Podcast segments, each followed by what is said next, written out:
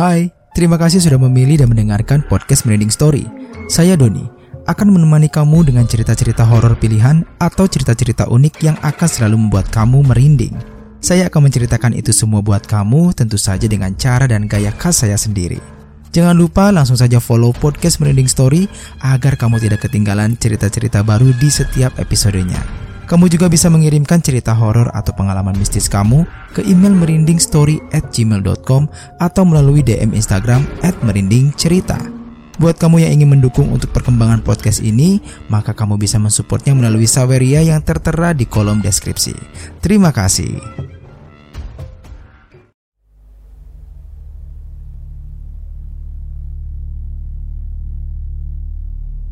Bismillahirrahmanirrahim. Assalamualaikum warahmatullahi wabarakatuh. Selamat malam, selamat pagi, dan selamat siang buat teman-teman semua yang sedang mendengarkan saya kali ini.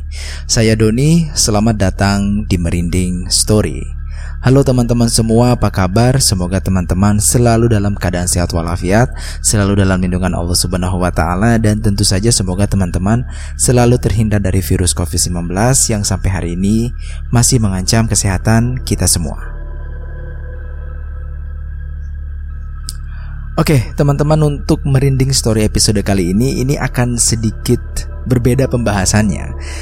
Kenapa berbeda? Karena biasanya kan saya men e, menceritakan cerita horor yang ya tempat-tempatnya biasa lah ya kayak rumah kosong atau misalkan kayak e, hutan, pegunungan ya tentang pendakian. Nah, kali ini pembahasannya akan sedikit berbeda karena kita akan membahas mengenai kisah mistis yang ada di Istana Negara. Sebenarnya bukan Istana Negara sih, uh, di Wisma Negara yang mana uh, Wisma Negara ini adalah masih dalam satu kompleknya Istana Negara Jakarta.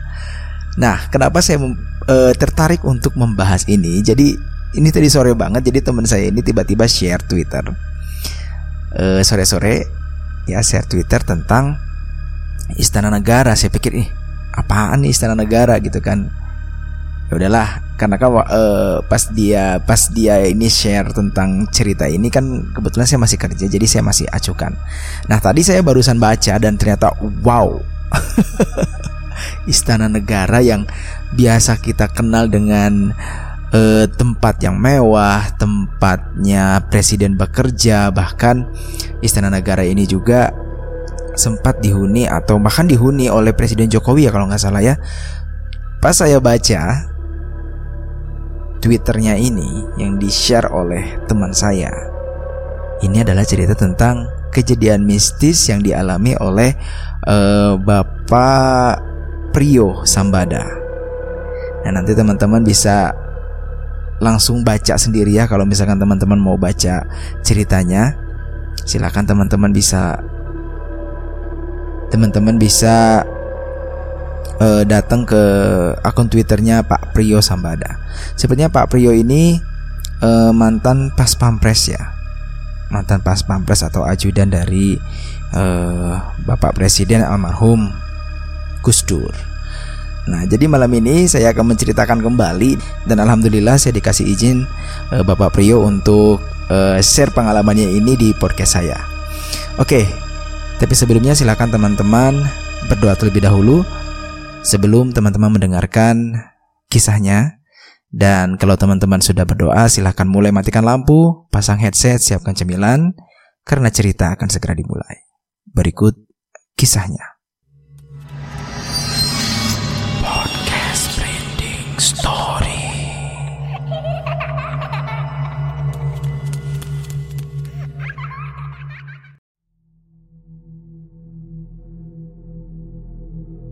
Jadi begini, hingga akhir masa tugas, saya dinas di istana kepresiden itu nyaris 30 tahun hingga saya mengundurkan diri atas permintaan sendiri karena sudah capek dan ingin merasakan jadi orang bebas.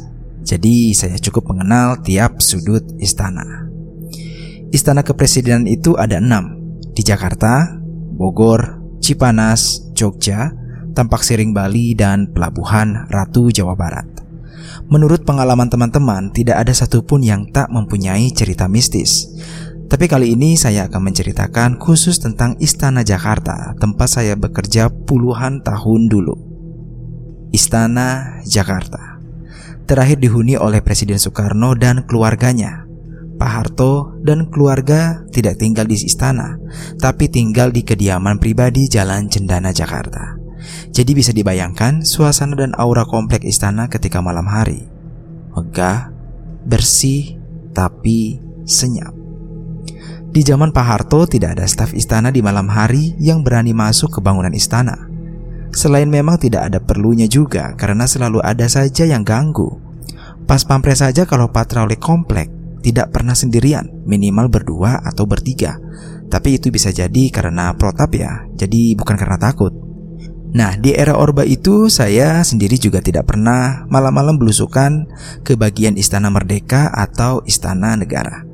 Tapi ketika Presiden Gus Dur dan keluarga memutuskan untuk tinggal di istana demi untuk pertimbangan kepraktisan dan efisiensi, maka dimulailah cerita saya ini.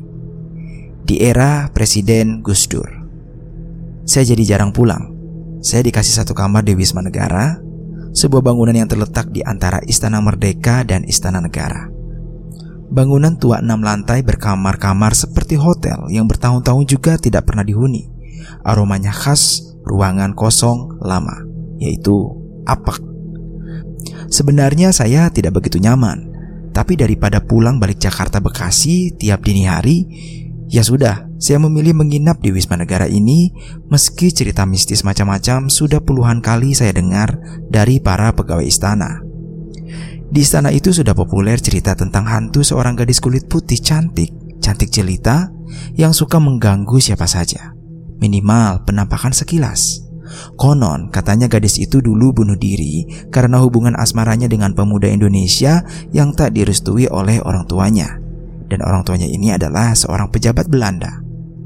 Cerita dari beberapa staf yang pernah melihatnya, katanya ia ini sangat cantik, rambutnya pirang dikepang dengan menggunakan rok panjang berenda-renda. Ketika awal-awal saya harus menginap di Wisma, saya berusaha keras membuang jauh-jauh mitos horor itu di kepala saya. Lagian, malam itu saya sudah sangat lelah. Jam sudah sekitar setengah dua dini hari. Memang begitu kebiasaan Presiden Gus Dur. Nanti pada subuh beliau sudah olahraga pagi. Sehingga malam itu usai tugas, dengan langkah pelan dari Istana Merdeka saya menuju Wisma Negara untuk istirahat. Di halaman istana saya melewati satu pohon buni atau wuni sangat besar yang juga angker. Kabarnya sering ada perempuan bergelantungan di atas sambil nangis-nangis lalu cekikikan. Terus terang saya agak jiper juga harus melewati bawah pohon rindang itu sendirian di malam buta ini. Sunyi senyap.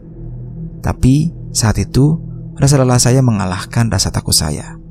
Saya teruskan langkah saya sambil berdoa sekenanya. Saya tidak mau menengok ke atas pohon. Alhamdulillah, saya selamat melewati pohon ratusan tahun itu. Tidak ada kejadian aneh-aneh meski auranya sangat-sangat mistis. Sekujur tubuh merinding semua. Lalu sampailah saya di lobi Wisma Negara dan for your information, dari enam lantai gedung ini yang bukan terdiri dari kamar-kamar itu, hanya lantai enam yang berupa aula pertemuan. Di sana juga ada piano dan seperangkat gamelan Jawa yang konon sering bunyi sendiri. Jadi ya, sangat jarang orang ke lantai 6 karena memang tidak ada perlunya. Sehingga lantai 6 ini adalah lantai yang paling horor. Obes saja kalau harus bersih-bersih di situ, selalu rame-rame meski siang hari. Bisa dibayangkan. Kemudian sampailah di lobi yang juga sepi temaram. Saya pencet tombol lift lantai di mana kamar saya berada. Tidak begitu lama, pintu lift terbuka. Aman. Saya masuk langsung pencet tombol. Tombol lantai tiga. Tombol menyala, pintu lift tertutup. Lift bergerak mulai naik perlahan. Suara khas lift tua. Ada dengungan rendah dan decitan sedikit. Sedikit goncangan juga. Saya perhatikan tombol mulai nyala semestinya. Dari ground naik ke lantai satu. Tapi saat itu, saya memang masih belum terbebas dari rasa merinding dari bawah pohon rindang tadi. Saya lirik kiri dan kanan, masih aman. Saya perhatikan tombol terus nyala dari lantai ground ke lantai satu, lalu lantai dua, dan saya pun siap-siap segera keluar dari lift ketika sampai lantai tiga, karena memang rasanya makin gak secure. Tapi, Ketika tombol lantai tiga nyala, lift tidak berhenti seperti yang saya harapkan. Lift ini malah terus bergerak naik. Saya pun panik. Refleks saya pencet berkali-kali tombol nomor tiga, tapi lift masih terus jalan naik dengan suara mirip erangan yang khas itu. Saya pasrah sudah. Ini pasti menuju lantai enam yang legendaris itu.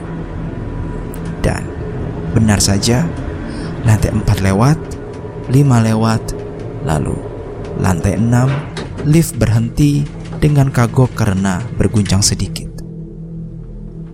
Saya diam saja mematung, berharap pintu tidak akan pernah terbuka. Beberapa saat diam, tak ada yang terjadi. Saya berpikir, saya akan pencet tombol nomor tiga supaya lift langsung turun lagi. Tapi sebelum rencana itu saya lakukan, dengan perlahan pintu lift terbuka. Tiba-tiba, saya menyaksikan ruangan di lantai 6 itu gelap gulita. Tapi dalam temaram, saya masih bisa menyaksikan meja-meja bundar dengan beberapa kursi di tiap meja, layaknya untuk jamuan atau pertemuan. Semua kosong sepi, kecuali satu meja di sudut kiri. Di satu meja di sudut kiri itu, saya melihat seorang perempuan duduk sendirian membelakangi saya sambil menangis. Saya tahu dia menangis karena dia tertunduk di meja dan saya bisa mendengar isak tangisnya yang sungguh pilu. Lebih tepat, ia sedang sesegukan sendirian dalam kegelapan. Perempuan muda itu memakai rok indah berenda-renda. Warnanya kurang jelas, tapi warna terang. Rambutnya kuning emas dikepang apik. Saya shock. Refleks tombol lift saya pencet berkali-kali dengan kasar supaya pintu segera menutup. Tapi lift tak bereaksi sama sekali. Saya sebenarnya bukan tipe orang yang mudah takut dengan hal-hal seperti itu. Saya sudah pernah mengalami hal-hal gaib sebelumnya. Tapi saat itu, saya sangat panik. Yang saya takutkan saat itu adalah apa yang akan terjadi selanjutnya ketika saya dipaksa menyaksikan itu semua.